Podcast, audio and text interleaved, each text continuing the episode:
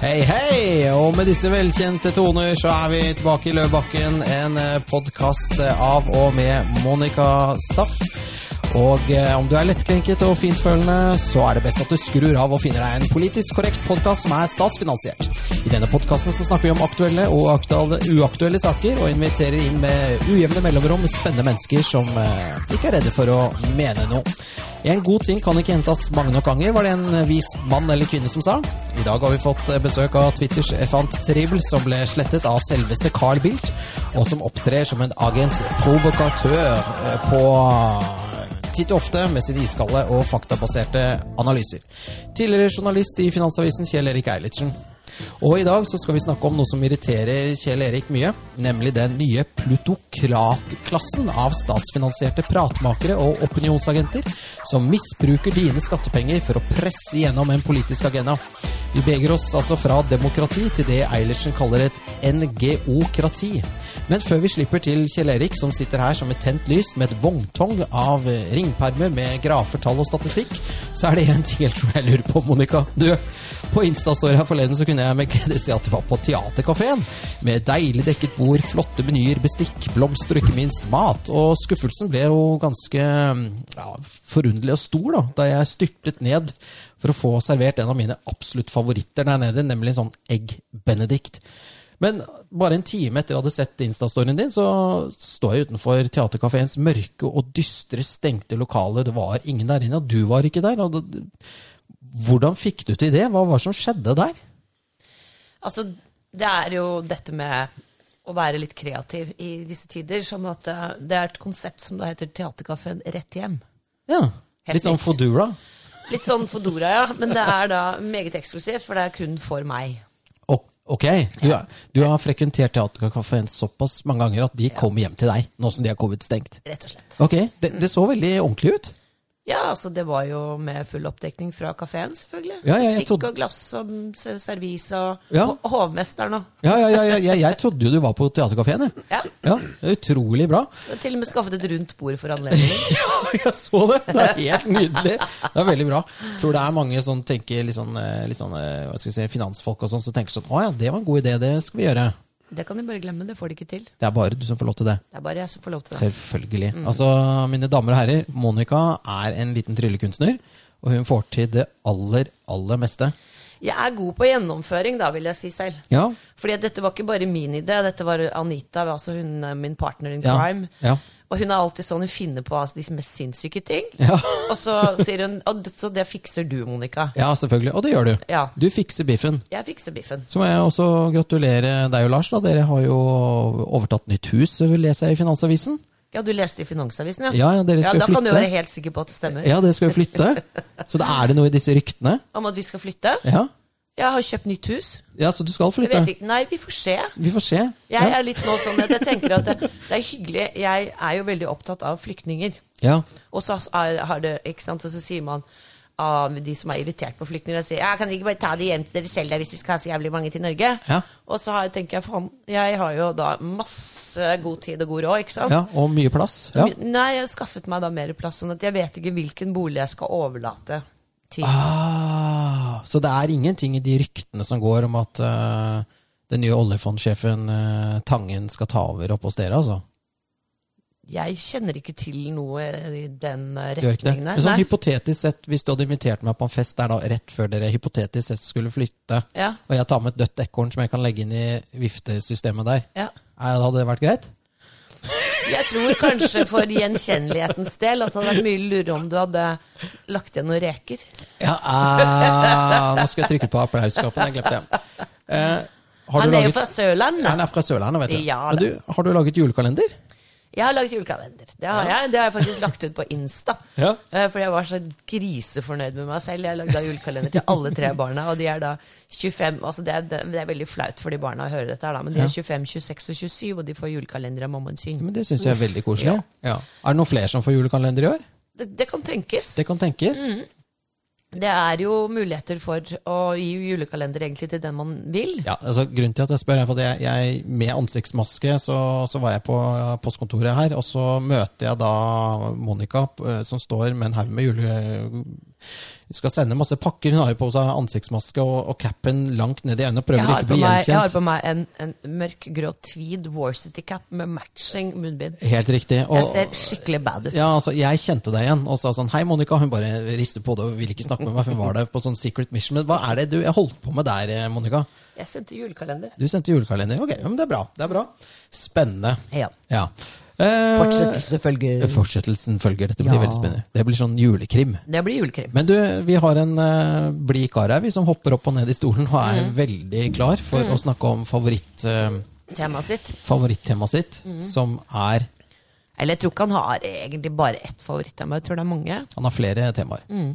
Kjell Erik, er du her? Ja, Du er her, altså. Du oppfører deg så ordentlig. Du sitter helt stille. Lager ikke noe lyd. Jo, men han er vant til å være på opptak. ikke sant? Han vet hvordan han skal oppføre seg. Ja, det er sant, ja.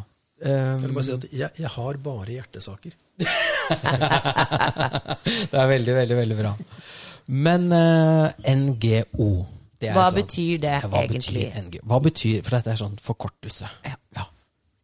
Altså Det står jo for Non-Government Organizations.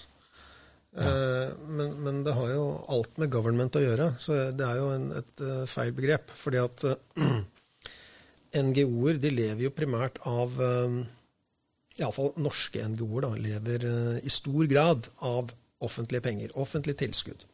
ja. Og det finnes mange av dem. Eh, Det finnes vel ikke en oversikt over alle sammen. Jeg, hvis vi går tilbake til den tiden jeg var, eh, var journalist, så, så skaffet jeg en oversikt over eh, bare eh, miljø, eller Miljøverndepartementet, eller som det het den gang, eller Klima- og miljødepartementet. Mm. Og de hadde en, en jeg tror det var en bortimot 15 eh, ulike organisasjoner som de ga penger til. Altså ikke-statlige organisasjoner Ja. som lever av statsstøtte. ja. Og så lever de også av private donorer, da. Ja. Men man har jo hørt f.eks. om Naturvernforbundet, man har hørt om Bellona, man har hørt om Miljøstiftelsen Zero, eh, Natur og Ungdom, og så hva er det neste?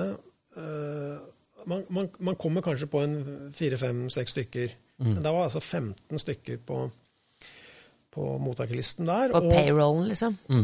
og, eh, og, og og jeg vil tippe at det går igjen eh, i departement etter departement. Ja. Eh, så det er mange av dem. Innenfor ulike fagområder. Ja, og det skaper jo da en sånn slags avhengighetsforhold, ikke sant? Til de som altså Ja, absolutt. Dette er jo um, Etter min oppfatning så er det jo En god del av dem har en historie hvor de driver med en eller annen form, har en eller annen form for funksjon. F.eks. Røde Kors er en NGO. Man kjenner jo Røde Kors, og en organisasjon som har høy respekt i det norske samfunnet. De, ja, de driver fjellredningsoperasjoner, de driver med bistand osv. Men de, er, de blir i stadig økende grad en, en politisk meningsbærer i tillegg. ja, ikke sant? De, er ikke bare, Så- de redder ikke bare folk, men de oppfører seg mer og mer som en politisk aktør. Nettopp. Ja. Og, og det, gjelder jo, det gjelder jo ikke bare Røde Kors, men det gjelder liksom Kirkens Nødhjelp, det gjelder Redd Barna, Ja. det gjelder Dråpen i havet er det noe som heter? ja, Ja. En rekke av disse organisasjonene som har hatt sin som, måte, operative funksjon, har utviklet seg mer og mer i retning av i tillegg å være meningsbærer. Og de er Og da- snille. Ja, og da, da er det sånn at Og det gjelder, det gjelder alle sammen. De er mer og mer med i mediene. eh, Og eh, er stadig vekk eh, representert f.eks. på Dagsnytt 18 eller i Debatten, eller blir sitert i, i, i nyhetsmediene. Eh, Ikke for den operasjonelle virksomheten de eh, holdt på med, av de som gjorde det. Eh, Og noen er rett og slett rene meningsbærende organisasjoner. Hvor, hvor opple min opplevelse av det hele er iallfall at dette å være meningsbærende eh, det, sånn det har et veldig kampanjepreg over seg. Og det, det er på en måte en outsourcing av meninger fra politisk eh, hold. Slik at eh, hva du skal mene, blir på en måte dyrket i disse organisasjonene, og så blir det raffinert på et eller annet vis, og så blir det fòret til politikerne, og så blir det målbrakt av politikerne til allmuen. Er fra politikerne til allmuen. Og jeg, alt handler egentlig om en outsourcing av meninger. Uh, Ja. og, og det er uh, I mange henseende så blir det veldig, veldig spesielt. Og det, det man har jo ikke uh, det Du kan si at det er en form for lobbyisme, da. Eh, I tradisjonell forstand så hadde du lobbyister. ikke sant? De jobbet for en eller annen interesse eh, og prøvde å påvirke. Det er jo for så vidt Ja, du hadde eh, Norges Bondelag, Småbrukarlaget, Ja, Norges Fisker, ikke sant? Og organisasjoner som, Ja. som fremmet en gruppering i samfunnet og deres, deres ja, interesser. Blindeforbundet. Eller, Helt- ja. helt. Eller, Ja, eller bestefaren min. eller bestefaren din. Ja. For, for Han reiste da ned fra Aukra Ja. til Fiskeridepartementet Ja. for å få lov til få konsesjon til å bygge en fabrikktroller av en viss størrelse. Det hadde ikke blitt gjort før, så han måtte ned og gjøre sine hoser grønne i hovedstaden. Mm. Han var den aller første lobbyisten, antagelig, for dette var i 66. Ja, men det er jo, og det er jo det liksom, at du går i lobbyen i stor, den vandrehallen, altså at man møter politikere. Ja, ja. Eh, Og det er jo egentlig positivt, hvis du tenker Det er jo en del av demokratiet at du skal kunne dra til parlamentet og legge frem din sak. Ja, og, og eller, få eller gehør. snakke med, eller invitere eh, en politiker, eller, eller, eller snakke med, fremme, fremme ditt syn overfor en politiker. Det er jo, det er jo Det er helt greit, demokrati, det. ja. Og at du gjør det på vegne av noen andre, er også helt greit. Men, men, men du kan si at disse ideelle organisasjonene og lobbyvirksomheten har smeltet sammen. Ja. Og så har de blitt meningsbærende for veldig mye utover det som på en måte er deres opprinnelige funksjon. Mm. Som går inn, inn i dette her, hva jeg vil kalle det eh, humanitærpolitiske komplekset som, eh, som Terje Tvedt eh, som Terje Tvedt eh, beskriver så eh, forbilledlig i sin bok. Mm. Og så er det en sånn svingdør mellom disse NGO-ene og politikken. Ja, det er det også. Altså at du møter de samme folka overalt. Og så, og så møter du dem i disse her sånn First House og, og sånne Ja. PR-byråer og sånne ting. da. Det er helt klart. Ja, ja.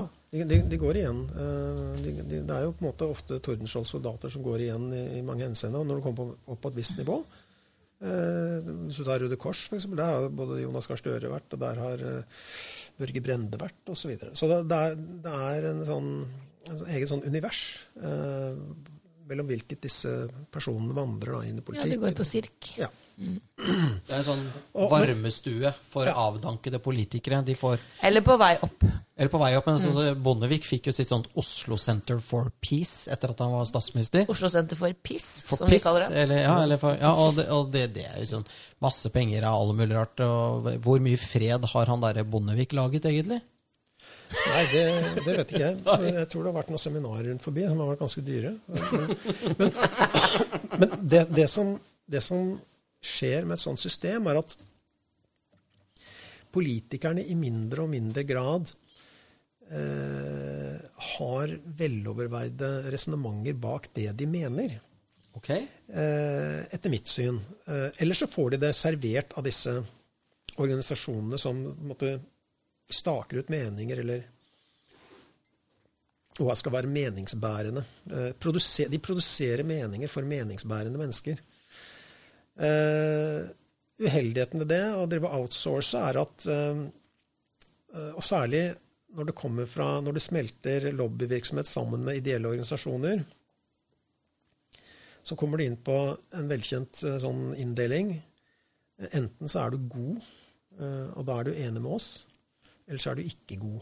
Da skal du ikke bli tatt hensyn til. Fordi at Så, så det, det, det er Jeg syns at det er det, det, Resultatet av det er at du får en polarisering, rett og slett. Det er, de er med på å skape polariseringen.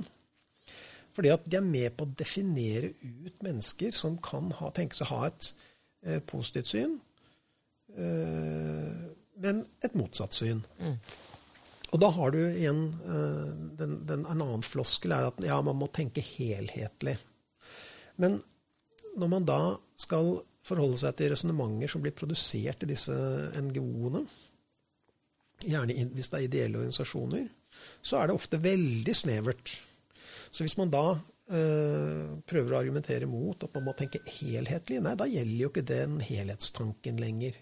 En klassiker er jo dette med at man, hvis man begynner å bringe, bringe inn spørsmål om hvem som skal ta regningen, og, og hva må man prioritere bort for å få til dette og sånn, så blir man definert litt ut av debatten. Og det tror jeg har sammenheng med at Norge si iallfall de siste 30 årene uh, har vært i en uh, i statsfinansiell situasjon som gjør at politikerne har sluppet å prioritere. Du, du vil aldri altså, Å gjøre politisk karriere i Norge, det er jo et kapittel for seg selv, da, men for å lykkes som politiker i Norge de siste 30 årene, så, så har du måttet si ja. Ja. Ikke sant? Uh, en annen ting er selvfølgelig at du må helst ha vært med i Jugendorganisasjonen, eller vært en lang traver i, i organisasjonen. Så det, det, det er sånn lukkede systemer som produserer politikerne. Uh, men skal du altså gjøre suksess og bli gjenvalgt på Stortinget og sånn, så må man ha disse voldsomme humanitære uh, meningene som er produsert av, av, organisasjonene. Gjerne Røde Kors eller Redd Barna eller Miljøstiftelsen Zero eller Bellona eller ja. Er det ikke det litt hva det heter for noe? Bukken og havresekken? At det, først så lager du en mening, og så selger du den til politikere, og så får du mer penger for å lage mer meninger, som igjen produserer mer Altså, du foreslår noe til politikerne som igjen skal generere mer inntekt til din egen NGO, da. Men det er vel, det er vel ja, også unnskyld, et resultat av, uh, som du sier, at uh, statsfinansene våre har vært slik de, de siste 30 årene. at at alt dette har fått anledning til å vokse og ese ut også. ikke sant? For hadde vi på en måte som du sier, måtte prioritere, så ville ikke man hatt anledning til å holde seg med tenketanker i hytt og pine og Miljøstiftelsen Zero og alt dette her, for det hadde ikke vært økonomisk mulig. Ikke sant? Det er samme som altså Det er liksom en sånn voks, det er som en sånn kreftsvulst som bare vokser og vokser fordi det er, det er ingen som gir den cellegift. Mm. Og så er det ingen politikere som tør å si nei, for at de vet at hvis de går ut av Stortinget, eh, så kan du jo alltids bare få en jobb i en sånn NGO etterpå. En sånn varmestue. Ja, ja. ikke sant? At du går rett fra Stortinget og så inn i Redd Barna eller sånt noe. Ja, også, så går du tilbake inn på Stortinget. Og, og dette, dette, systemet det har jo blitt en egen industri. Jeg kaller det for NGO-industrien. For det, det jo, dette har jo forgreninger internasjonalt. Mange av disse organisasjonene jo, har internasjonale søsterorganisasjoner, og organisasjoner på et høyere nivå. Og Øverst oppe så troner FN. Ja. Og noe som er omtrent like høyt, er liksom World Economic Forum. I Davos? Så, Leikegrinda til plutokratene? Så, så, hvor, hvor, det er måte, litt komisk når, når, de diskuterer eh, klima, da, når det står på agendaen, så kommer de inn med, med privatjet. Ja, Og så mange at de har ikke plass til å lande der. Ja, Så, så det, er, det, er, jo ganske komisk. Ja. Så ja, nei, det er, det, det er ikke og, det er ingen, og, ingen, av disse er valgt. Og, det mest, og så har du sånne, sånne helt ekstreme tilfeller, sånn som f.eks. IPI. Ja. ja det hva, er jo... hva, er de, hva er resultatene til IPI? Altså International Peace Institute, er det ikke det? Ja. Med du sa jo at de hadde jo intervjuet en som har jobbet der, han klarte ikke å forklare hva de drev med. Nei. Til, til, lytterne nå, det er også Dagens Næringsliv har avslørt at IPI har mottatt masse penger fra UD. Fra Utenriksdepartementet. Ja, de har vel kommet til Var det 116 eller var det 136 millioner? 116. Jeg tror, det, jeg tror det var 116, fordi at av de 116 så har altså Rød Larsen har i løpet av de årene tjent 45, eller var det 48? Altså ca. halvparten sto det vel ja. av det som har blitt utbetalt fra UD til IPI. Ja, Som ingen skjønner hva driver med, eller har drevet med. Nei, Det gjør Terje Rød Larsen sikkert, for han har levd herrens glade dager på dine og mine skattepenger. Ja, ja. ja. I, I, løpet av den perioden så har ikke jeg, jeg har ikke tjent 45 millioner kroner. Men jeg har i hvert fall betalt over 20 millioner i skatt. Ja. I han hadde betalt 300 han hadde, ja, 300 000, han var ikke? 300 000, rundt 300 000. Mellom 300 og 400 000. Så, så dette her, det er, det er ingen må, nå skal jo for så vidt uh, Dette er vel gjenstand for Riksrevisjonen, er det ikke det? Uh, ja. Så vidt jeg har skjønt. Men uh, da får man en, vel en rapport om noen år. Mm. Ja, han alle har glemt det. vi vet jo at når, når, Norge setter ned noen sånne kommisjoner, eller utvalg, som skal, skal gjøre en rapport på ting, så blir det en rapport som blir satt i en hylle, og der står den. Så det har ikke noen konsekvenser av noe slag. Jeg, jeg vet jo ikke F.eks. den rød-grønne regjeringen satte jo ned faktisk Brochmann 1-utvalget, som kom med sin rapport. Og så kom Brochmann 2-utvalget, som besto omtrent iallfall en god del av de samme menneskene. Utarbeidet sin rapport. Men, men det får jo ingen politiske det, det, sies Man får et inntrykk av at det skal legges politiske føringer, men, men det skjer jo ingenting. Prinsippen og hva skal vi si, eh, tankegangen bak og konklusjonen i de, disse utvalgsrapportene, de, de ligger bare der. Det, det, er jo ikke noen Det er jo det ironiske, at man lager et statlig utvalg som kommer med konklusjoner og helt konkrete forslag på tiltak. Ja. Det blir puttet i skuffen. Mens uh, NGO-ene og lobbyistene har klippekort på Stortinget, og ja. der går det unna.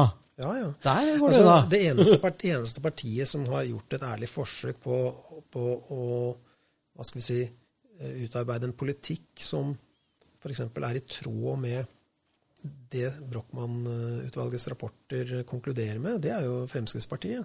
Okay. Eh, som, eh, men det er jo ingen andre som, eh, som gjør det. Men iallfall så skjuler de det ganske godt. F.eks. Et, eh, et begrep i, i, den siste rapporten som het 'integrasjon og tillit', som, som var absorpsjonsgrad. Altså hvor Eh, eller absorpsjonskapasitet, eller absorberingskapasitet, som, som, som, er et begrep som ble eh, nevnt i den rapporten, som er, handler om at hvor stor evne har et samfunn til å absorbere eh, flyktninger, eh, eller innvandrere, som, som, ikke på en måte har noen kulturell, kulturelle fellesnevnere, som på en måte må integreres i samfunnet. Det lot jo det lot jo utvalget, eh, Grete Brochmann-utvalget, de lot være å kvantifisere hva den absorberingskapasiteten er. Eh, for det, da det, skrev de eksplisitt at det er overlater de til politikerne. Men har vi hatt noe debatt om, om det temaet i ettertid? Nei, det har vi ikke. Altså, det er jo klart at det, det, det er jo aldri et, et, svar med to streker under. Men la oss si man har kanskje en øvre og en nedre eh, grense for hva det er vel ulike oppfatninger, men det ligger vel i et eller annet intervall at så mange klarer de å kan vi ta imot og klare å integrere i samfunnet. Ja, Gjøre til gode borgere, på en måte? Uten at det går på bekostning av tillit. Altså tilliten, integrasjon og tillit, som var hovedtema i, i den rapporten. Og tillit i, dette, i, denne sammenheng handler om hvilken tillit man har til institusjonene, om de fungerer i samfunnet. Fungerer politiet, fungerer rettsvesenet, fungerer sykehusetaten, eh, fungerer i ulikhet Altså, hvis, hvis, tilliten begynner å forvitre, mm. så forsvinner limet i samfunnet. Og jeg tror ikke trygt kan si at tilliten i Norge er høy, det er den, men, men, men i Sverige så er den litt lavere. Og hvorfor det? Uh, I Frankrike er den enda lavere, kanskje. Så det, er, det, handler om hvilken respekt du har for hvordan, hvordan systemet fungerer.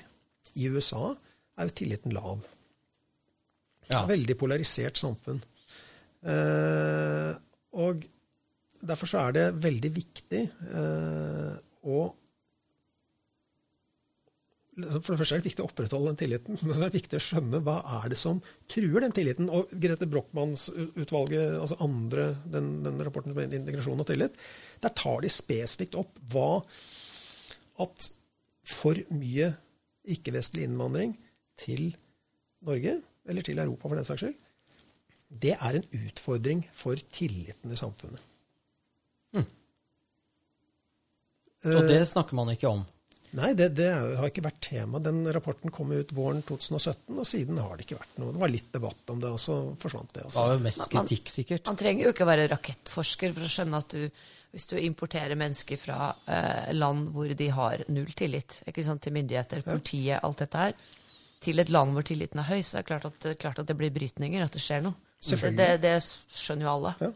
Det er jo ja, nettopp, og det er mange, De fleste landene i verden så er det jo lite liten grad av tillit. Lav tillit. Ja, Det er jo unikt i Skandinavia. Myndighetene blir sett på som en fiende. Mm.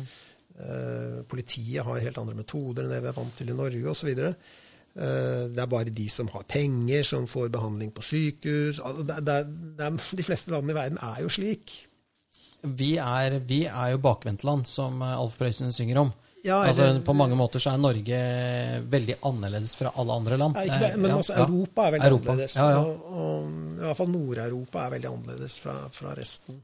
Er- sånn sett. Altså, vi er, en, vi, er, vi er få. Eh, Var det Nordahl Grieg som sier at hver falne er som en søster og en bror? Altså, Vi er så få her i landet. landet. Ja, vi er så få her i landet. før, Det var, det var før. Jo, vi er flere nå, men poenget er jo det med tilliten. Før så kjente alle hverandre. Jo, men det er jo sånn hvis du reiser ut på bygda, da, på, eh, eh, litt lenger ut enn Oslo, så er det jo en fortsatt høy tillit, for folk vet hvem de er, hvem hverandre er. Du ser hverandre i butikken. Alle, altså Man har et forhold til sine folkevalgte osv. Mens det, i store metropoler så er jo tilliten mye lavere.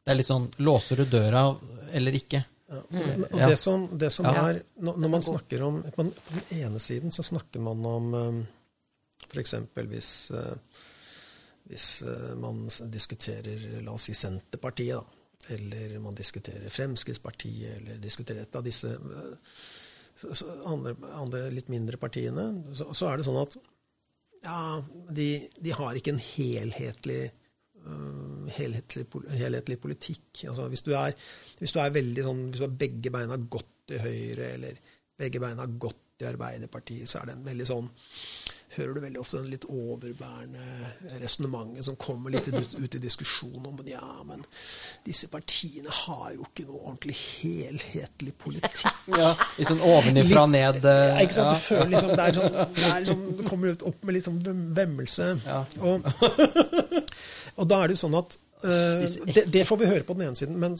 hvis man f.eks.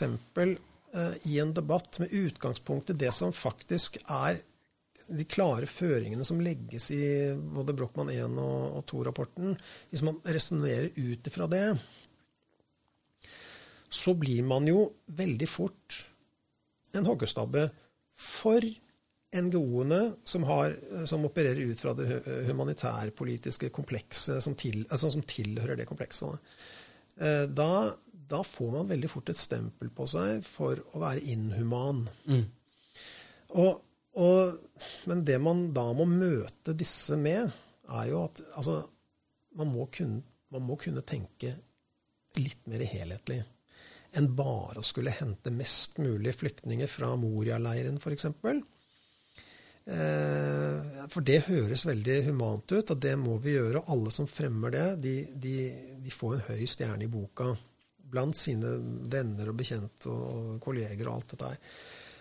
Men liksom, hvis, hvis man begynner å diskutere ok, men hvordan skal det praktisk gjøres, hvor, hvor skal de bo?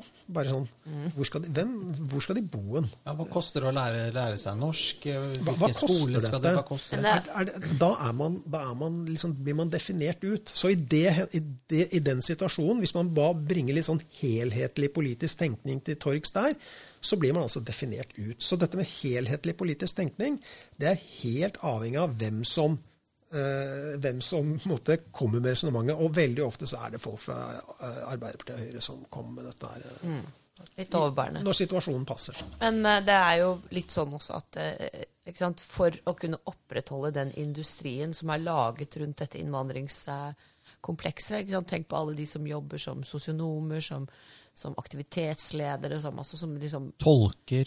Ja, ja. Ja, det er, det er, det er enormt apparat Det som er er industri. ja, Og ikke du- minst, du er rundt ikke minst advokater. ja. Ja. ja. Ja, men altså det er, det er en rekke mennesker som faktisk ville blitt arbeidsledige hvis ikke du fyller på nedenfra, ikke sant? Ja, det var jo, Jeg husker det var en eller annen kommune der, der det var helt krise. Dette, når var det? Det var helt krise, for at det var ikke nok flyktninger som kom til Norge. Så, og Da måtte de legge ned asylmottaket i kommunen, og da var det jo mange mennesker som ville miste jobben. Ja, ja. Eh, Så hele, hele kommunen var jo avhengig av, av disse statlige overføringene. Eh, Så det Ja, man, har fjernet, man har fjernet seg selv fra uh, å tenke litt større. Ja. Ikke sant? Og da Igjen uh, Det er ingen som kommer til disse idealistene på lokalplan og sier at hør her, vi må tenke litt mer helhetlig enn, på ditt, enn de arbeidsplassene som er knyttet til ditt asylmottak, bare fordi det så tomt. Man tenker litt større. Man tenker liksom på samfunnet som helhet. av en helhetlig politikk. Jeg har liksom aldri hørt det resonnementet komme andre veien. Det kommer bare, eh, det kommer bare i sånne diskusjoner om, eh, om politisk innhold hos de ulike partiene. og Da, er det, altså, da trekker Ap og Høyre-folk trekker dette helhetlige politikkortet. Det, det, det er bare lov å ha to tanker i hodet på en gang. Ja, det er, sånn, det er den, den politiske empatikortet, kan man kalle det. ja, ja. ja. Så da er det bare å legge merke til det fremover. Ja. Når de begynner med litt sånn litt sånn vemmelse i røsten og si at de har jo ikke noe helhetlig politikk. Nei, når det kommer litt overbærende, ikke noe helhetlig politikk, da vet du at da er det tomt for resonnementer igjen i kassa. Og, eh, men prøv, man kan prøve det helhetlige politikkresonnementet eh, der det passer, når folk blir for enspora inn på å skulle posere selv eh, som en humanist, som en stjerne i det humanitærpolitiske komplekset. Og jeg synes jo det, det, Dette humanitærpolitiske komplekset, komplekset er jo et uh, genialt uh, begrep, uh, omtalt i, beskrevet i boken til, til Terje Tvedt, altså Ja. det internasjonale gjennombruddet, som han egentlig han egentlig liksom, Kilden til det er en uttalelse fra Joakim Hambro på 50-tallet. Oi! Ja, og det, hva var det? Hva var det? Nå husker jeg ikke. Det var alt med, alt med det Hva skal vi si Det var alt, altruistiske diktatur var et eller annet sånt. Jeg husker ikke akkurat begrepet, men, men du kan si et tilsvarende begrep ble uttalt av Joakim Hamre allerede på 50-tallet. Ja, man måtte passe seg litt for det. Ja, fordi at var da var det forslag om denne India-hjelpen, at det var, det skulle bli en slags form for obligatorisk, at det skulle markedsføres ut til, eh, til Til folket, sånn at alle skulle føle et press på å gi. Og det var Joakim Hammer imot. Han, eh, han mente det var utilbørlig med et slikt, å lage et slikt sånn, hva skal vi si, humanitærpolitisk press på befolkningen. Da. Ja. Det som er litt morsomt, er jo vi snakker jo om statsbudsjettet. eh, Nå har de jo krangla om det. Ja. Og det er veldig morsomt når de møtes hvert år for å diskutere dette. og det, Da sitter jo statsrådene og krangler, og de griner, og de holder på. Og den eneste statsråden som bare kan sitte og file negler og sjekke Facebook og sånn, det er jo eh, altså statsråden for eh, Hva heter det for noe for eh, Åh, nå står det stille her. Som gir penger til utlandet. Um, Ja, for, ja, utenriksministeren, ja. ikke, ja, men det, nei, bistandsministeren. Bistandsministeren. Ja. Ja. Fordi det er vedtatt at Norge skal bruke Mm. 1 eller sånt noe av statsbudsjettet på bistand. Nei, Han av sitter B- og- han sitter og av BNP. spiller. Av BNP. Altså, så, så, så han trenger, altså, den Nei. personen trenger jo ikke å krangle, for at det, det vet jo bare at BNP er sånn, og da er budsjettet sånn. Bistandsministeren sitter på Twitter mens de andre diskuterer. For det, det, det er ikke noe altså Det er bare Nei, sånn det er ganske urettferdig. Nå må jeg innrømme at jeg har ikke fulgt, jeg har ikke fulgt veldig Jeg, ikke, jeg prioriterte ikke bruke veldig mye tid på, på å følge de debattene rundt statsbudsjettet. Jeg har fått med meg litt, grann, selvfølgelig. Men, men hvis man tar en, en person som som Terje Rød Larsen da, og dette IPI, Mm. da er jo han, eh, måtte han jo gå i unåde. Men det er klart, han har jo eh, ved å drive en organisasjon som mottar midler over bistandsbudsjettet, så har jo han eh, skutt gullfuglen, han, i mange år. eh, helt siden 2005, var det ikke det? Jo, sugerør i statskassa. Oh, Han har jo holdt på sånn det helt siden Oslo-avtalen. ikke sant? Altså, det har jo... Og så var han jo en kort periode minister i eh, en regjering, så ble han jo tatt for noe greier oppe i Båtsfjord, eller hva det var. Altså, en, Ja, han er jo en- han er Men- jo en som har er beriket seg på andres bekostning. Men men er det sånn at han sånn- bare er dritsmart, og vi bare tjukke i huet? For at eh, han hadde jo sikkert vært medlem av Høyre hvis det hadde vært det statsbærende partiet den gangen. Eller det Senterpartiet hvis det var den gangen. Ja, altså, han, bare har det skjønt, han har bare skjønt at uh, her er det makt, og med makt så kan jeg få tak i penger. Jo, men Det er litt vi, sånn, skjønner du? Dere, vi er dumme. Den, den, han er smart, og vi er dumme. Ja, det er jo litt sånn, for vi bruker ingen, ingen, ingen rundt bordet her har vært med på å, å, å stemme i forbindelse med statsbudsjettet. Men det er noen som, Nei, men som vi gjør skulle bare starte en sånn organisasjon. Sånn uh, Norwegian Peace Center for Strategic Thinking and Immigration. Ja. Based in New York. Ja, Monaco hadde faktisk vært litt kult å vært. eh, ikke sant? Mm. Så hadde vi hatt en gummibåt vi blåste opp og kjørte med påhengsmotor litt ut. Og, og så fikk Ute i vi- yachten? Ja, ute i yachten. Og så tok vi yachten og redda litt folk, og så fikk vi 100 mill. i året. Ja, ja. Uten at noen stilte spørsmål. Og hvis noen sa at vi var, stilte spørsmål, så skulle vi bare sagt ja, dere er slemme. Og den norske stat har jo kjøpt, eller bygget, holdt jeg på å si, eller kjøpt en leilighet eh, som koster 86 mil eh, som ja. de bor i. Han og hun Mona Juel, som da er ambassadør, som nå skal sitte i Sikkerhetsrådet på vegne av Norge. Ja. Ja, nå er det, det var vel representasjonsboligen eh, Norge, eh, til Norge der borte i New York. Eh, men før det så hadde jo han kjøpt en annen leilighet på Upper East Side. Ikke sant, som ligger IP, IP hadde kjøpt. IPI hadde kjøpt IPI hadde kjøpt. Eller du og jeg og alle vi andre som hører på, skattebetalerne. Hele, Norge har spleiset på en leilighet. Den, den, måtte de, eller den solgte de igjen. De bodde vel der i to-tre år, og så solgte de den. Men da har jo han, i og med at hun ble FN-ambassadør så, og bo, flytter inn i residensboligen, så flytter jo han med inn der. Og da solgte de den leiligheten på Upper East Side. Men poenget er at han har Fy faen. tjent godt over 3 millioner kroner eh, hvert år eh, siden 2003 eller 2004. Um, uten å betale et øre i skatt omtrent. Det er bare små lommerusk. Mellom 300 og 400 000. Eh, totalt i løpet av 15-16-17 år. Og tjent 45 mill. Ja, og, mellom tiden. og, Det høres ut som Jagland og Stoltenberg og Gro Harlem, det der. Og, og, og da har du på en måte tilegnet deg noen vaner. Du har liksom Ja. bodd gratis. Ja, du har blitt litt stor på det. Og dette her sitter man og, betaler uh, for. Og hva, hva, En ting er og det er greit. Jeg, jeg, sier, jeg, jeg, sier ikke at man skal bli så Man skal ikke bli liksom mer katolsk enn paven. Man, man, man kan gjerne Det kan godt være at det er ting man betaler for Uh, at han har helt eksepsjonelle kontakter. Eh, han er en viktig, altså det, er en, la oss det er en rasjonell grunn for å ha noen sånne nøkkelspillere eh, som er lojale overfor Norge, som bringer Norge i kontakt med riktig person. Det kan godt være det. Men jeg savner å se resultatet av dette arbeidet. Ja. Eh, Jeg syns man, man skylder liksom velgerne og, og skattebetalerne å fortelle hva er det pengene er blitt brukt til. Og Der, er det, der tror jeg bistandsministeren har en stor oppgave foran seg. For dette er jo Det er ingen som vet hva, det er ingen i Norge som vet hva bistandsmidlene går til. Nei, altså de blir jo delt ut, og så blir det jo ikke stilt noe krav til noe rapportering nei. tilbake hvordan pengene brukes. ikke sant? Det, og det er dette IP-greiene hvor da, da de som jobber der, selv ikke vet hva de egentlig driver med. Og så kan du tenke deg alt det han har fått i lønn, og så kan du tenke deg eh, reiseregninger. Altså De reiser jo rundt og prater med hverandre, bor på femstjerners hoteller. Erik Solheim. Ja. Han er jo også en av de. Ja, Han er vel på lønningslisten til uh, Silkevei-prosjektet også, vil jeg tro. Han, han mottar garantert penger fra Kina. kinesiske Kina. myndigheter. Det, det, er, det kan det ikke være noen tvil om. Og sånn som han holder på på Twitter og eh, poster bilder av seg selv i Kina, det er jo helt usmakelig. Hele fyren er jo bare et eh, moralsk sett, eh, ut fra et moralsk perspektiv, et vrak. Men den moralske kollapsen finner vi jo på venstresiden. Det er jo det, det, er jo men- det som er det dark men- side. Men, de, de, men altså, disse menneskene selv Ja. ja, vil, jo, an- vil jo antagelig ikke forstå hva alt dette oppstyret egentlig handler om. fordi de vet jo at de er utpekt av Vår Herre til å, til å, til å redde verden. De har, levd, de er vokst opp slik. De, er, de har levd i den verden hele, hele tiden, og de tror det er sånn det skal være. Så, så, De er aristokrater, på en måte? Ja, det det- nye ja. aristokratiet? det er Eller plutokratiet? Ja, ja. Og De, de, de vil jo aldri forstå den kritikken.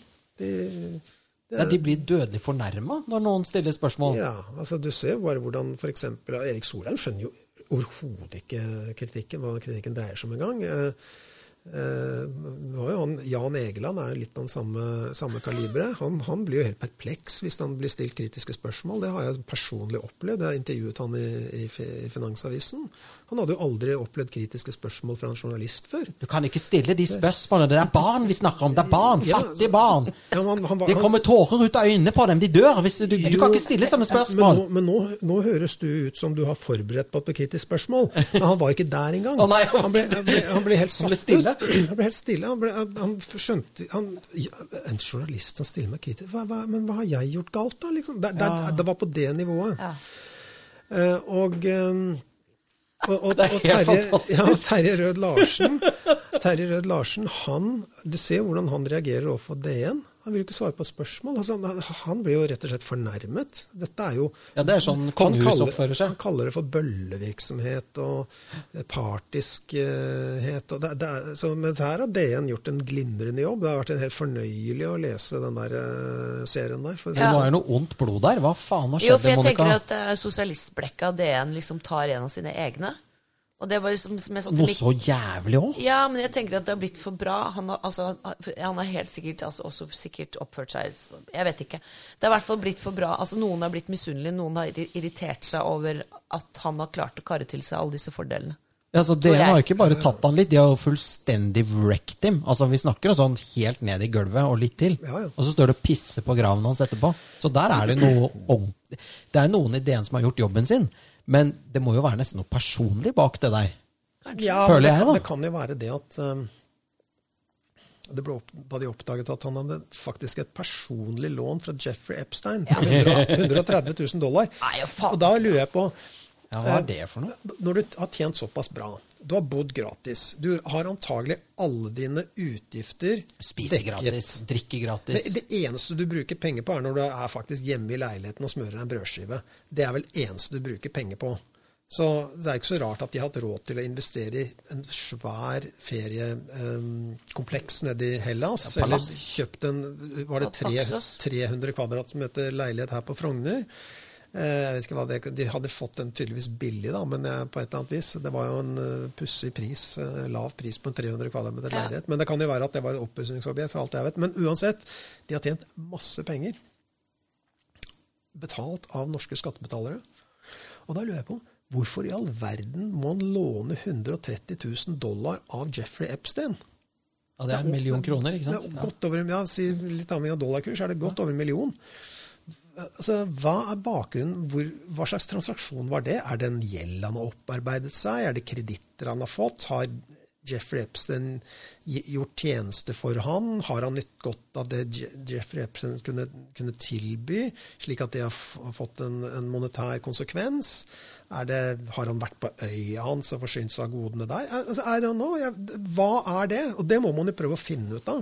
Hva er det, hva er Jeg det- tror at han var på, på øya der, og så trodde han at alt var gratis, sånn som han er vant til. Så han drakk og spiste beluga-kaviar og champagne vet du, for en million kroner. Ja, Kanskje han fikk mer enn mat også. jeg vet Ja, ikke. Men, så tok Epstein Jeg tror det var litt av poenget med den øya, var at det var mer enn mat, ja. Ja. ja, fy det, faen. det har jeg hørt, det var mer enn mat der. Ja.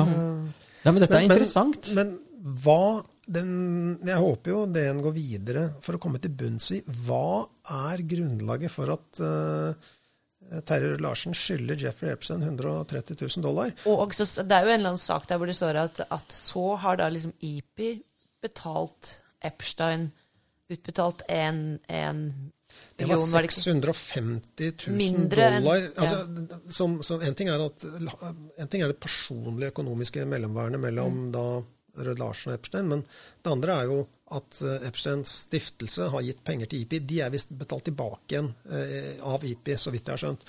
Men, men Det er tilbake til stiftelse. Men dette lånet fra, til Terje Larsen var jo fra Epstein personlig. Når Epstein er død, så hvor går, det går inn i dødsbo. Da skylder altså Larsen, Terje Larsen skylder dødsbo til Epstein 130 000 dollar.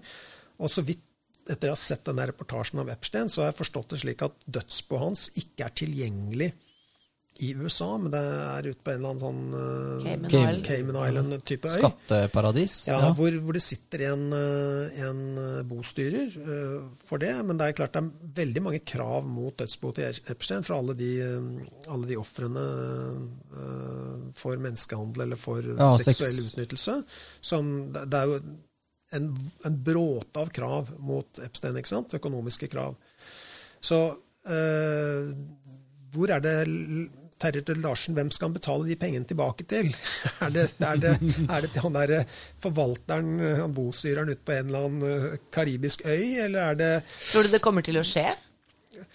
Altså, eh, det må jo være en Det må jo Med mindre det skjer en Med mindre det kommer en dom, eh, og noen tar initiativet til det, så tror jeg ikke Rød Larsen kommer til å betale de pengene.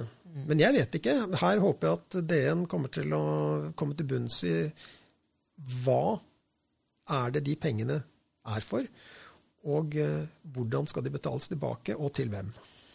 Men er dette litt sånn eh, Er dette litt sånn toppen av isfjellet? Altså, nå har vi fått innblikk i hvordan han har levd, og bemektiget seg på, skatte, på skattekronene.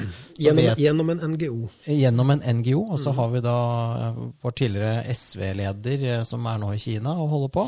Og så, altså, liksom, er det slik at disse NGO-ene hva produserer de av altså dette, Vi snakker om hva skal vi leve av i Norge etter oljen. ikke sant? Hva, hva tilfører de økonomien av verdi, bortsett fra å bemektige seg selv? Ja, Når det gjelder, Det når det gjelder IPI og når det gjelder Erik Solheim Erik Solheim er for så vidt blitt en NGO i seg selv. Da. Han er jo mer eller mindre som en sånn PR-konsulent for kinesiske myndigheter.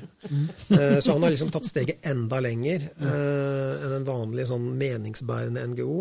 Eh, eh, IPI har sikkert eh, hva, de egentlig gjør sånn fysisk, det vet jeg ikke, men jeg vil tippe de de, eh, de sørger for at de rette menneskene snakker med de rette menneskene. Og det kan jo være nyttig, det, for all del. At, at eh, når det kommer en norsk diplomat til New York og skal treffe liksom, ti personer, at de treffer de ti relevante personene. Det, det, altså, Noen, noe kan du tilføre, sikkert. ja, Det, det kan godt være. Ja. Så, men, men du kan si dette er på en måte Jeg tror de er toppen av isfjellet.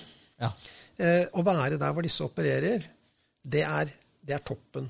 Og isfjellet under består jo da av alt fra den som eh, er bøssebærer i Natur og Ungdom. Eh, skjønner du? Altså, Som blir brukt. Altså, De Ja, tror jo altså, at de gjør en god ting, jo, ikke sant? Og veldig mange tiltrekkes jo av en eh, humanitær eller en eh, goodwill-organisasjon på et eller annet vis. Av ulike årsaker. Mange unge mennesker. Men så kommer de inn i en sånn tralt der eh, alt fra ungdomspolitikk, som jeg syns er noe forbaskede tøys eh, Jeg syns ikke det er noe ungdomspolitikk som, eh, som høres fornuftig ut, uansett om det ligger til høyre eller venstre på Ja, så fikk dere med dere at lille lord Fauntleroy har gått inn i partiet Sentrum og skal lage Unge Sentrum? Ja, ja. Det er jo han. Han er jo, han er jo en dedikert sånn, Ja. Sånn Redde verden. Simen Bondevik, Ja, gratulerer. Utpekt av Gud. Det eneste som er spesielt ved han, er at han faktisk er barnebarnet til Kjell Magne Bondevik. Som, altså, så uinteressant. Ja, altså, Simen Bondevik er et barn av det humanitærpolitiske komplekset. Ja, Han vet ikke og, bedre. det, og det klimaindustrielle komplekset. Så Men det er sånn- hvorfor heves han frem? Han tas med på Urix for å snakke om Trump. og han tar, altså, Det er jo noen som Han skyves jo fram. Er- han, han hjelpes jo fram her av noen. Ja, altså, NRK elsker han jo, og journalister. journalis- Journalistikk er, å, være journal, å være journalist er et veldig vanskelig yrke. Det er ikke et yrke hvor du på en måte på død og liv skal bli venn med alle. Eh, hvis du blir venn med alle, så er du ikke lenger noen journalist. Eh, og dessverre er det slik at eh, flere og flere journalister, og jeg vil si faktisk et stort flertall av dem, de er egentlig ikke journalister. De er blitt mer og mer aktivister. De, Agenter. De, de er agenter. Ja, meningsagenter. De er blitt meningsagenter for Og de hjelper fram én side. Det, det ser man jo i Det blir man jo minnet på omtrent hver eneste gang man eh, ser på NRK, eller ikke minst amerikanske medier nå i forbindelse med valgkampen eh, i USA. Hvor denne, denne avsløringen kom med, med laptopen til han eh, Hunter Biden. Hunter Biden, Biden, ja. hvor, hvor det er faktisk e-postutvekslinger. Og det er, det er sånn overveldende bevismengde på og klare indikasjoner på at for det, første, for det første hva han har holdt på med, som i seg selv er jo en mens far har vært, Det er shady, ass. Mens far har vært visepresident. Og det er ikke bare det, er jo ikke bare det at han sitter i Han kommer altså, altså Fyren ble jo kastet ut fra marinen eh, pga. Eh, en eh, positiv eh, kokaintest.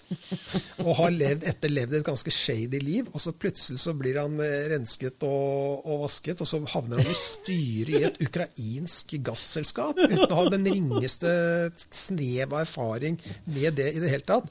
Og det skjer altså mens far er visepresident eh, i USA med special envoy til nettopp Ukraina. For å Og, og, og, og det er med spesielt ansvar for den Ukraina og den regionen. Så han, er, da, han har altså, da sønnen altså, etablert forretningsforbindelser i både Ukraina og, og Kasakhstan. Og fått kinesisk eh, Kan alle kilder eh, med klar tilknytning til kinesiske myndigheter putte penger inn i et managementselskap og inn i et hedgefund som han skulle starte. Altså det, er en, det, er et, det er et eh, landskap som er helt utrolig å få til. Altså, samtidig som det er visepres far er visepresident. Ja. Og så Det er ingen tilfeldigheter rundt dette. og onkelen din er med. Onk, onkelen din er med på, på kjøret. eh, Og det er broren til Joe Biden. Og, og det er eh, Var det onkelen og, og fetteren Altså, det, det er liksom en familievirksomhet. Det, ble, det er et faktum. Men det er ingen som skriver om det. Det ble en, uh, ble en oppslag i New York Post, og så går altså uh, både Twitter og Facebook uh, sletter posteringer av den saken fra New York Post. New York Post er faktisk USAs fjerde største avis. Den er større enn New York Times. Det er som å slette Aftenposten eller VG, på en måte. Ja, Altså, ja. ja, så kom en sånn avsløring. Og da kan du lure på hvorfor gjorde de det? Og når jeg hørte den senatshøringen av han, eh, han sjefen i Twitter, så mente jeg at eh, da var det følgende De hadde slettet den fordi de mente det var hacked material. At det var hacket material. Det var det jo faktisk ikke, fordi eh, materialet hadde blitt oversendt til FBI allerede i fjor høst. Eh, og da de ble klar over det, så eh, gjorde de om på det. At da sa de at eh, New York Post kunne få lov til å poste den på nytt. Men det gjorde altså ikke New York Post. eh, selvfølgelig etter det har gått flere dager. Men, men de har blitt et sånt uh, utropt seg selv til um, sannhetsvitne. Begge, begge disse mediene, både Facebook og Twitter hvor de liksom skal styre hva som skal publiseres og ikke. Eller, for det er jo ikke noe, de, har jo ikke noe, de har jo ikke noe redaksjon. De har ikke noe nyhetsredaksjon. De har ikke noe sånn kvalitetssikringssystem. De har noen, de har noen policies, at du ikke kan eh, eh, liksom Sende porno, liksom. Sende porno eller, eller, eller, Drap. Drap. oppfordre til eh, vold og, og drap og den slags. Og drive eh, rett og slett sånn helt åpenbart lovbrudd. Men ny, en, en nyhetssak som de setter liksom eh, sensur på, det er ganske utrolig. Det, er, det er ganske skremmende. Og at ingen andre Det tok Jeg mener det tok eh, ti dager jeg, før eh, Anders Magnus i NRK nevnte det sånn i forbifarten eh, mens han sto på gaten i Nashville og under valgkampen. ikke sant? Sånn, og så var det ikke mer snakk om den saken. Det var en journalist i The Interceptor som sluttet pga. den saken, for han ville trykke den, men han fikk ikke lov. Nettopp. Han var med å starte den avisen for ti år siden. Ja. Så det, er- det er ikke bra, altså. Så, så det er klart at hele journaliststanden, og ikke bare i Norge, men hele den vestlige verden, har fått en sånn Har blitt dratt inn i dette humanitærpolitiske komplekset. Ja, de er liksom PR-byrå, de. Ja. For enkelte politiske saker. Ja, Ja, Det er det, aktivister. de. De er Så aktivister. har du alt dette med Ja. for f.eks. Parisavtalen. Eh, Jeg gjorde en kalkulasjon i går, som jeg, så jeg la det ut på Facebook eh, i dag, eh, i forbindelse med at eh, det var en sak i Wall Street Journal som, sa at, eh, som handlet om at eh, eh, noe av det første Joe Biden har eh, sagt han skal gjøre, er jo å liksom bringe USA inn i Parisavtalen igjen.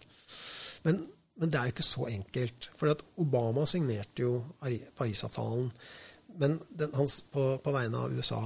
Men aldri, den, den var jo aldri juridisk bindende. Det, for å få det til, så må den jo inn i Senatet og få den godkjent der. Eh, med to tredjedels flertall, faktisk.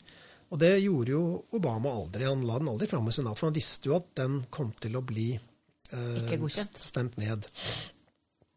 Og derfor lot han liggende. Så det, det Trump har gjort, han uh, satte i gang en prosess for å stoppe den der, kall det søknadsprosessen, eller presidentordren, altså hans presidentordre, den slettet Obamas presidentordre med å ha signert den avtalen. Så den avtalen altså signaturen på det papiret er, er gone. Så da må i så fall Biden starte på nytt igjen. Men det krever faktisk fortsatt to tredjedels flertall i Senatet. Så kan det eventuelt gå, gå, gå, gå øh, via lovverket eller gå via domstolen. Og, ja, det blir en lang prosess. Men i, i, den, i forbindelse med den saken så la jeg ut på Facebook så hadde jeg gjorde en liten kalkulasjon. Så gikk jeg inn på øh, BP, Statistical Radio World Energy. For der har de jo all mulig slags statistikk om energimarkedet, bl.a. CO2-utslipp. Og så så jeg på CO2, det samlede CO2-utslippet. Da snakker vi CO2-utslipp fra forbruk av energi, altså fossil energi. Olje, gass, eh, kull, olje, gass. Og da tok jeg de tre årene, altså 2017, 18 og 19, som det er data for. Og så sammenlignet jeg den treårsperioden med den foregående, altså 2014, 15 og 16. Og så ser du at uh, i den siste treårsperioden, altså når Trump har vært president, så har amerikanerne sluppet ut 373 millioner tonn mindre CO2 enn den foregående perioden. Det er det ingen som har sagt. Nei, nei. Og så går du på eh, EU, for det er også en egen linje for EU der. kan du si at EU har sluppet, sluppet ut 107 millioner tonn mindre enn den forrige treårsperioden. Så amerikanerne tre, har redusert i løpet av de tre årene i forhold til forrige treårsperiode med 373 millioner tonn.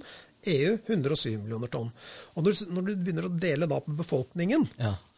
så får du noe interessant. For da kan du si at I løpet av de, den treårsperioden sammenlignet med forrige treårsperiode, så har en gjennomsnittlig amerikaner, eller USA, har redusert uh, utslippene over de tre, siste tre årene i forhold til de forrige tre årene med over 1,1 tonn per innbygger. Mens i EU så er snittet per innbygger eh, så er en reduksjon på 239 kilo.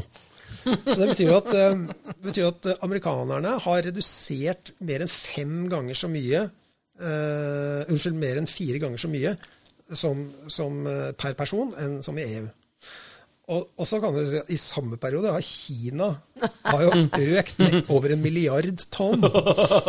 Så, så? Det der, ja. så det, Kina har liksom økt med eh, nesten tre ganger så mye USA har redusert med i løpet av perioden. Så, så den, den, hva, hva er forskjellen? Jo, USA har ikke vært med i Parisavtalen. Dvs. Si Obama har bare signert på et papir. Mens da Kina og, og EU har da vært med på Parisavtalen. Og så kan du se ok, hvem er best i klassen?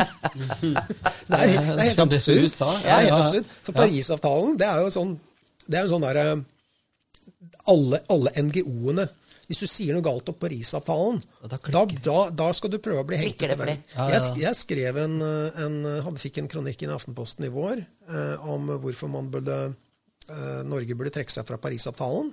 Eh, det handler ikke om at man er imot klimapolitikk, at man ikke tror på menneskeskapte klimaordninger, eh, noe sånt noe. Jeg bare sier at Parisavtalen er ikke noe instrument for å, for å få redusert klimautslippene.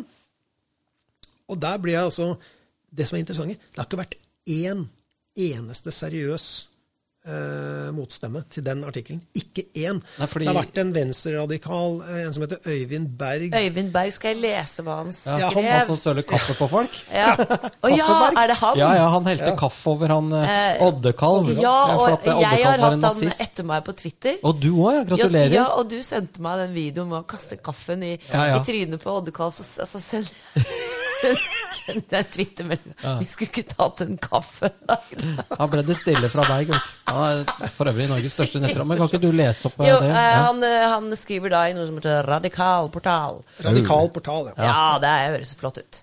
Eh, han skriver Aftenposten publiserte denne uken Kjell Erik Eilertsens kronikk om klima. Med det legitimerer de høyreekstreme metoder av trusler, trakassering og rasisme. Visste ikke at rasisme hadde noe med klima å gjøre, men det har det nå plutselig blitt. Ja, men det- det er- og så er det en er- radbrekking av deg som person. Går kun på deg som person. Det er jo ikke et ord om liksom, noe som har Nei, noe han kan jo ingenting om innhold. Han er såkalt havforsker ute på, ute på, på Nordnes i Bergen og, og på Havforskningsinstituttet. Han, jeg, jeg tror han snakker mer med pingvinene eh, enn han snakker med mennesker. Han, fyren er såkalt eh, naturvitenskapelig utdannet, hevdes det, men han kan jo overhodet ingenting. Han er rett og slett bare en aktivist. Eh, Men når det gjelder rasisme, så har alt blitt rasisme i dag. Er de imot Parisavtalen, så er det antagelig en rasist. Da er det rasist. Ja. Sånn, sånn at um, Men det som når du, altså, men, altså, I NGO-verdenen, da, om du da tilhører Røde Kors, eller om du, om du er liksom, hva skal vi si, lobby, om du utgjør lobbydelen av Røde Kors For de snakker jo bare om klimaflyktninger, ikke sant? Eller du er lobbydelen i Redd Barna. Der er det også klimaflyktninger. Mm, ja, de bruker Eh, klima. Eller, eller ja. du er i Miljøstiftelsen Zero. Eller hvilken som helst sånn statsfinansiert NGO. Hvis du, hvis du kritiserer f.eks. Parisavtalen, så blir du la, da blir du definert ut. Mm. Og, og, eh, og hva er det Parisavtalen har gjort? Jo, du ser hvem er det som nyter godt av Parisavtalen. Jo, det er f.eks. personer som Espen Barth Eide. Eller det kan være Vidar Helgesen. eller du har ja, selvfølgelig Erik Solheim, Al Gore. Du har eh, Lene Westgård Halle i Høyre. Hva, hva gjør de? Jo, de reiser til Madrid. F.eks. da det var klimamøte i Madrid, så reiser de dit. og så legger de ut sånne filmer på Facebook og Instagram og bilder av seg selv sammen med den og det delegatet. Og så, har de, så er det betalt reise, hotell, kanapeer og masse i gåseøynene viktige møter hvor de føler seg selvfølgelig viktige. Og de tror selv at de er med på noe viktig. Ja, det er det som i militæret blir kalt for runkering. Dette er, dette er, dette er rekrutteringsløpet til å komme opp på det nivået f.eks. hvor Terje Rød-Larsen og Erik Solheim er. De er blitt sånne globetrotter i gode meninger. ikke sant? Det er grooming. Det er liksom grooming Nei, for det. dette er grooming-fasen for å havne der opp. Også Det som er den morsomme for eksempel, som skjedde på, i, i dette klimatoppmøtet i Madrid da.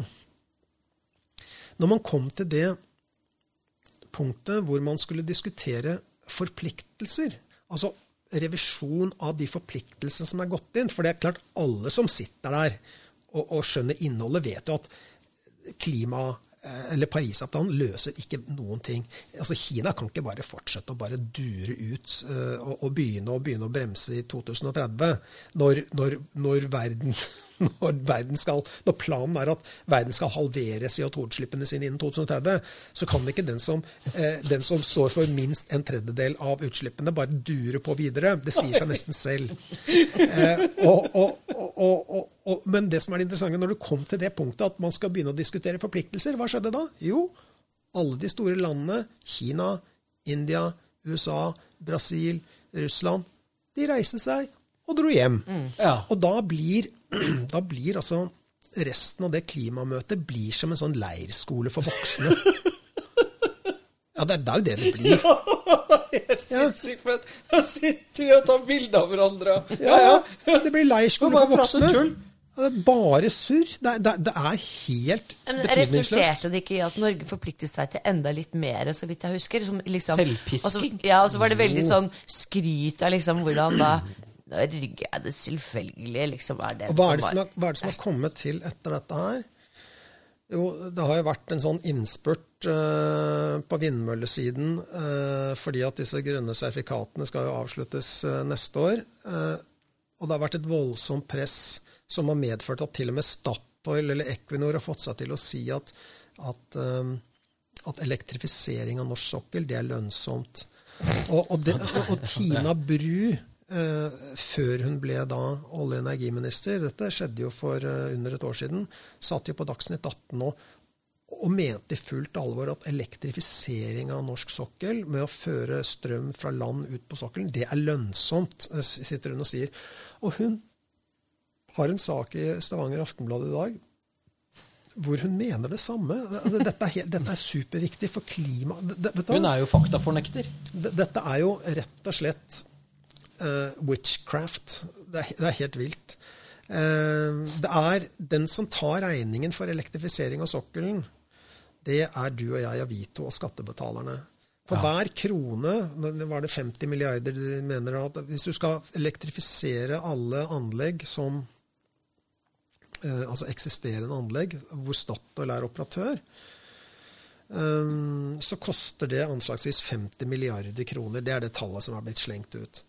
Men vær klar over at for hver krone med en marginalskatt på 78% og det faktum at uh, Statoil er 67% statlig, så vil, så vil hver eneste krone vi bruker på, eller som Statoil eller unnskyld, Equinor bruker på elektrifisering, det vil medføre du, du vil jo, De vil jo få fradrag, skattefradrag for dette her.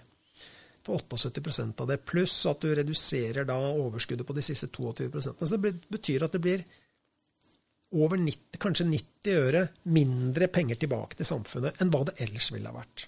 Så det betyr implisitt at for hver krone som brukes eh, på elektrifisering, så er det i grunn skattebetalerne og velferdsstaten som betaler minst 80% kanskje over 90% av det. Litt avhengig av eierskapet, eh, altså om det er stat eller et annet selskap som, som kostnadsfører den utgiften. Det er jo en sånn skjult skatt, på en måte. Ja, det er, det er jo det er. Det er jo ikke det, Oljeselskapene betaler jo bare med den skattemodellen som er, så er det jo oljeselskapene betaler omtrent ingenting for det. Det, er, det kommer igjen i form av mindre kontantstrøm fra oljevirksomheten og inn i, i statskassen. Det er jo litt komisk at de skal elektrisifi elektrisifisere, holdt jeg på å si. Hva sa jeg det riktig?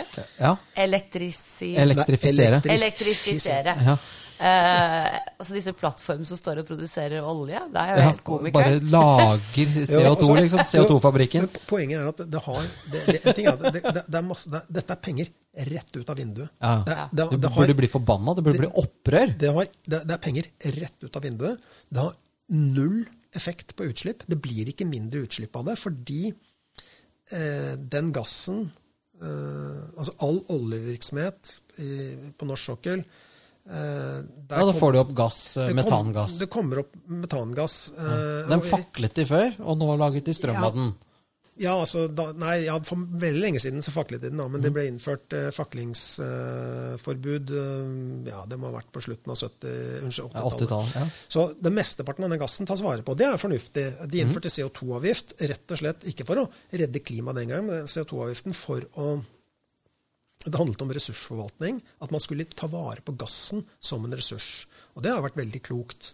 Har, Norge har eksportert masse gass til kontinentet, og er faktisk, hvis du ser på eh, hvor grønt EU eh, Hvor grønn den energimiksen i EU har blitt Den største årsaken til det er at gass har erstattet kull. Og Norge og det, ser, det, det ser man når man begynner å stille opp tallene. Eh, Jeg har en veldig fin graf på det, men jeg har ikke den her og nå. Men, Enda så mange permer han har med. Så jeg har. Ikke med meg permer. Men, men det interessante er at ja, eh, fornybar energi eh, kommer helt på slutten av perioden. Men hvis du tar et lengre perspektiv og ser hvordan har CO2-intensiteten i det europeiske eller EU sin energimiks gått ned over tid, så ser du det den hovedforklaringen, den store forklaringen på det, det er at gass har erstattet kull. Eh, og hvem er det som har bidratt til eh, økt gassbruk, eh, det, eller den energiswitchen i Europa? Jo, det er bl.a. Norge. Er, EU produserer selvfølgelig en del gass selv, i, både i Italia og i Nederland og i UK osv. Men det, når det gjelder imp så importerer de gass fra Algerie, fra Russland og fra Norge.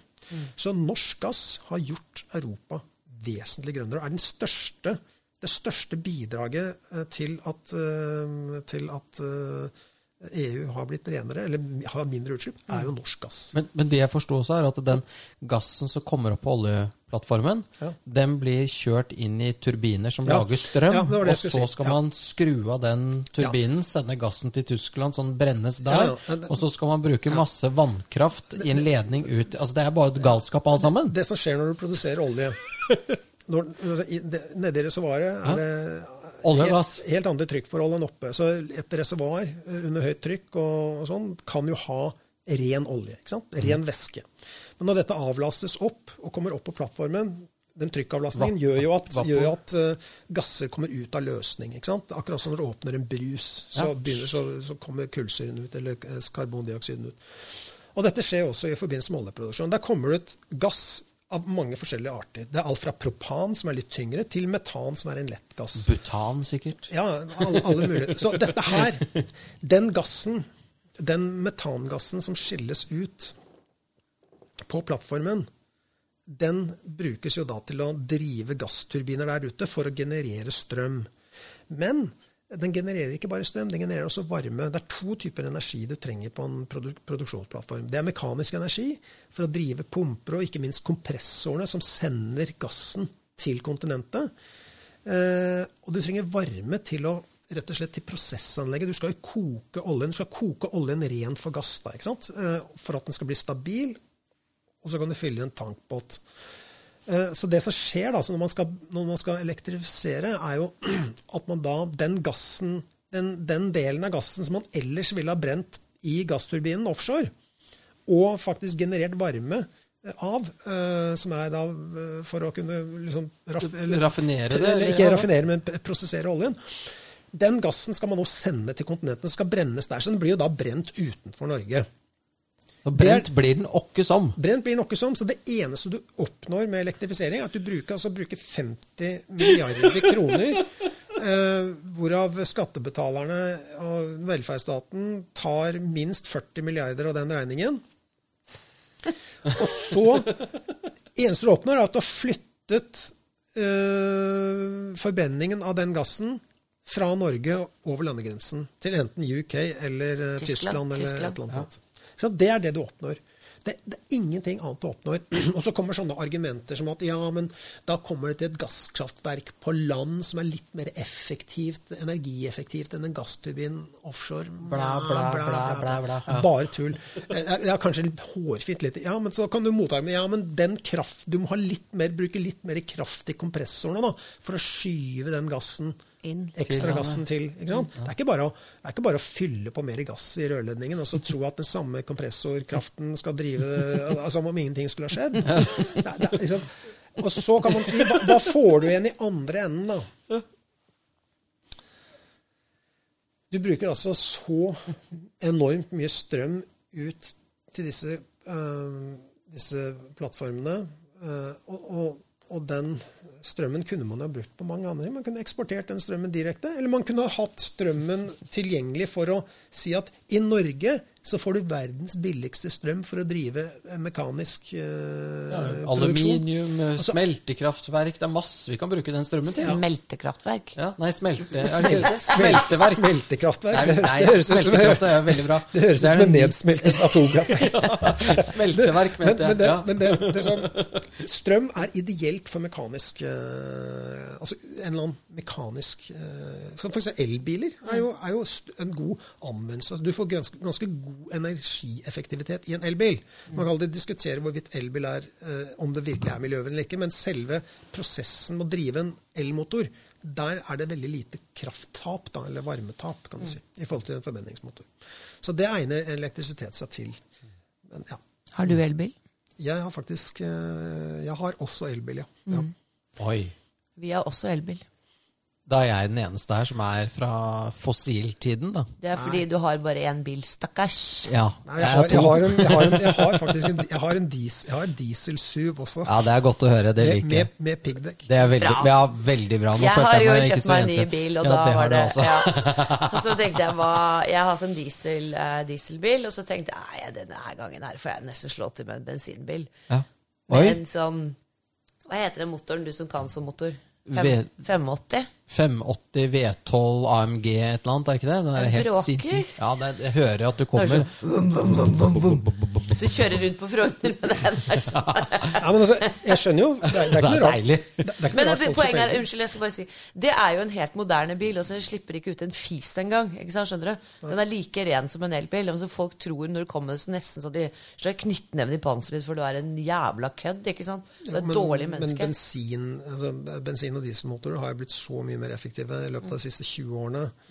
Altså, hvis du tilbake til eh, Hvis du ser på altså den CO2, altså reduksjonen i CO2-utslippene i USA de siste tre årene eh, i forhold til de foregående tre, har, ikke- har jo egentlig ikke noe med Trump å gjøre. Det, har bare, det er bare en trend. Altså, det er to hovedforklaringer på det. Det ene er at eh, gass erstatter kull, akkurat som har skjedd i EU. Eh, ref. norsk eksport av gass til EU.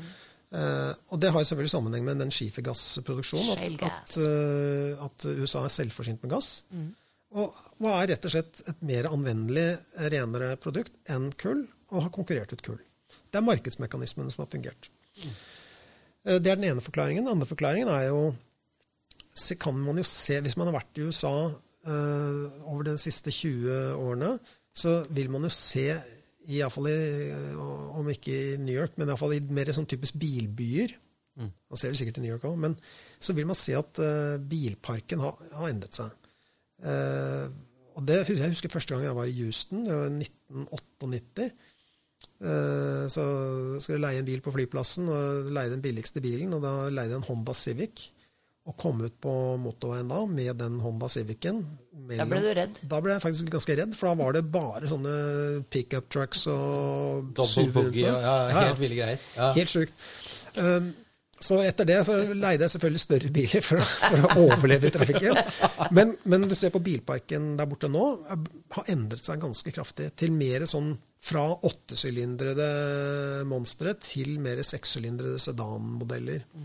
Så, så, og, og det er klart at uh, forbrenningsmotorene har jo blitt forbedret hele veien. Så, så du ser på oljeforbruket i USA, det er, tror jeg faktisk er litt ned over de siste 15 årene. Ja. Eh, så enda, enda økonomien har vokst, og befolkningen har vokst. og alt det. Ja, hva, skal vi, hva skal vi si om dette, Mikkel? Ble, ble vi oppløftet? Jeg ble oppløftet. Jeg føler at, eh, at, vi, at, at vi har liksom lært mer.